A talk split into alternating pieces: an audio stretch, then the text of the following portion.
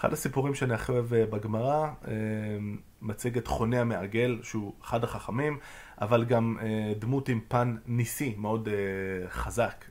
כשלא יורדים גשמים, עם ישראל, אנשים היו באים אליו ומבקשים ממנו שיתפלל לאלוהים שיוריד גשם.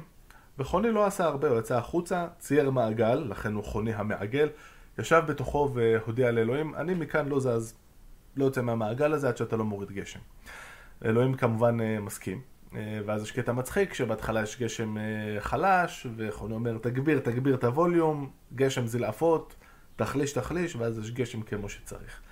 אה, חז"ל, אגב, אחר כך דעתם לא הייתה לגמרי נוחה מפטנטים וקיצורי דרך מה, מהסוג הזה, שהם בבחינת כבן המתחטא לפני אביו. זאת אומרת, אתה אומר לילדה שלך שהיא לא יכולה לקבל עוד שוקולד, ואז עושה לך את הקטע הזה עם העיניים, ואתה נותן לה עוד שוקולד, אי אפשר להימנע מזה, אבל חינוך uh, טוב, כנראה שזה לא. בכל מקרה, חוני המעגל שובר את הראש, הוא מצטער על פסוק מסוים. שובר את הראש, איך אפשר להבין אותו? מהו הפסוק? פסוק מתהילים, בשוב אדוני את שיבת ציון היינו כחולמים. זאת אומרת, מדובר על אה, שיבת ציון, זה אחרי 70 שנה של הגלות הראשונה, אחרי חורבן אה, בית ראשון. לא כל העם גלה, אבל הרבה אנשים כן גלו. ואז מה זה השיבת ציון, 70 שנה והיינו כחולמים? האם יכול להיות שמישהו יישן 70 שנה? זאת השאלה שמנקרת לחוני בראש. יום אחד הוא הולך ורואה איש אה, די זקן נוטע עץ חרובים. וחוני שואל את האיש הזקן, תגיד, תוך כמה זמן העץ הזה צפוי להניב פירות? מתי היו לנו חרובים פה? והאיש משיב לו 70 שנה. עכשיו, אה, חוני הרי די יודע שעוד 70 שנה האיש הזה כבר לא יהיה פה. שואל, אוקיי, אז למה אתה נוטע עץ עם חרובים אם אתה לא הולך לענות מהפירות שלו? והאיש משיב לו בחוכמה כמובן, כשאני נולדתי אני מצאתי את העולם סביבי מלא בעצי חרוב.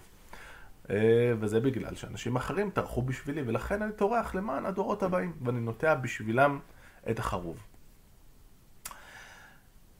וחונה המעגל הולך שם אה, לישון, מקיפה אותו שן סלע, הוא נסתר מעיני אדם, והוא מתעורר אחרי שחלף זמן רב, רב מאוד.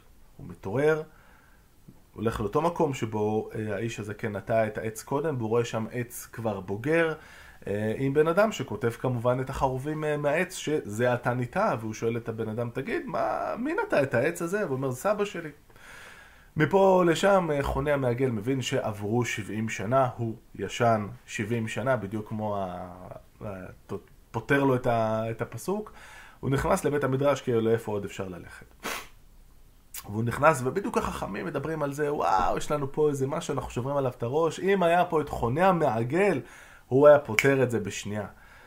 ויש שם איזה קטע נורא מעניין, שהנה חוני נמצא מולכם. המיתוס, אוקיי, הבן אדם שאתם מעללים אותו כל כך הרבה, הוא נמצא כאן לפניכם, אבל הם לא שמים עליו. אוקיי, העובדות בחלוף הזמן, עובדות הופכות למיתוס, והן כבר מאבדות את, ה... את, ה... את התכלס שלהם.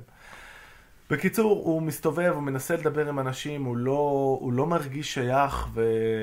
ובסוף הסיפור הקצת טרגי הזה, הוא פונה לאלוהים, מבקש רחמים, ומת. ועל זה אומר אה, רבה, החכם הגדול אה, של כמה דורות אחר כך, היינו דאמרי אנשי. זאת, ה... זאת האמירה העממית, היא על המקרים האלה. האמירה העממית היא או חברותא או מיתותא. או שאני עם החברים שלי, אה, ונמצא בתוך ההקשר אה, של, ה, של הקהילה שלי ואנשים שמכירים אותי ואוהבים אותי, או שעדיף כבר למות.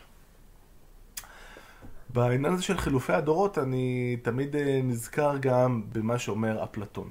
אפלטון, באחד החיבורים הגדולים שלו, החיבור שנקרא הפוליטאה או המדינה, הוא מציג את החזון שלו לעיר מדינה המושלמת. העיר המדינה המושלמת, יש שם המון דברים שמאוד אה, כדאי לדבר עליהם, ואני עוד אה, אעשה את זה בסרטון יותר ארוך מתישהו, אבל אה, בסופו של דבר, to make a long story short, השלטון המושלם הוא של מלך שהוא גם פילוסוף. שהוא מכיר את המציאות בצורה הכי טובה, הוא מנהיג אותה בלי כל הרעש הזה מסביב. אה, של אינטרסים וכסף, כל הדברים האלה לא מעניינים אותו, מעניינת אותו רק האמת, הרי הוא פילוסוף ולכן הוא יהיה המלך הכי טוב. ואחרי שאפלטון מבסס את הטענה הזאת, אז הוא אה, אומר בהמשך, טוב, בואו נראה איך כעבור כמה דורות מגיעה ההידרדרות הבלתי נמנעת. וההידרדרות הבלתי נמנעת, אנחנו מתחילים מהמצב הזה של המלך הפילוסוף, אנחנו נידרדר למשטר הפחות טוב של כמה מעטים מוכשרים כששולטים ביחד, ואז יש הידרדרות נוספת לכיוון של אה, עשירים שמנצלים את הכסף שלהם כדי אה, להשיג את השלטון. יותר גרוע מזה זה כמובן דמוקרטיה, הרי. כי אין דבר יותר גרוע מאשר לתת פשוט להמון להחליט לכל האנשים האלה שהם בטח לא פילוסופים, והם לא יודעים לראות את האמת כמו שצריך. אבל לפחות זה לא הכי גרוע, כי יש דבר אחד יותר גרוע, שזה רודנות. אז אומר, טוב, בוא נראה איך עובד המנגנון הזה של ההידרדרות. אוקיי, בוא ניקח דוגמה, ההידרדרות בין העשירים המעטים אה, לבין, אה, סליחה, בין המעטים המוכשרים לבין העשירים שתופסים את השלטון, ובוא נדמיין אה, ילד שגדל בבית, שיש בו את אחד, שאבא שלו אחד המעטים המוכשרים שמנהלים את המדינה, והוא שומע כל היום את המשרתים שהם צוחקים על אבא שלו, שהוא יכול...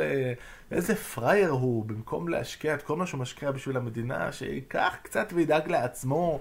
תראה איך הילד שלו מסתובב בכלל כמו, כמו איזה עני, והוא שומע איך אימא שלו מדברת על אבא שלו. אגב, אה, אפלטון היה פמיניסט מאוד גדול. אבל על זה לא עכשיו. ובקיצור, הבן אומר לעצמו, תראו את אבא שלי, האזרח הקטן הולך למילואים וסופר את הכסף שאין, אני לא אהיה כזה. אוקיי, אני אדאג שאני לא אצא פראייר.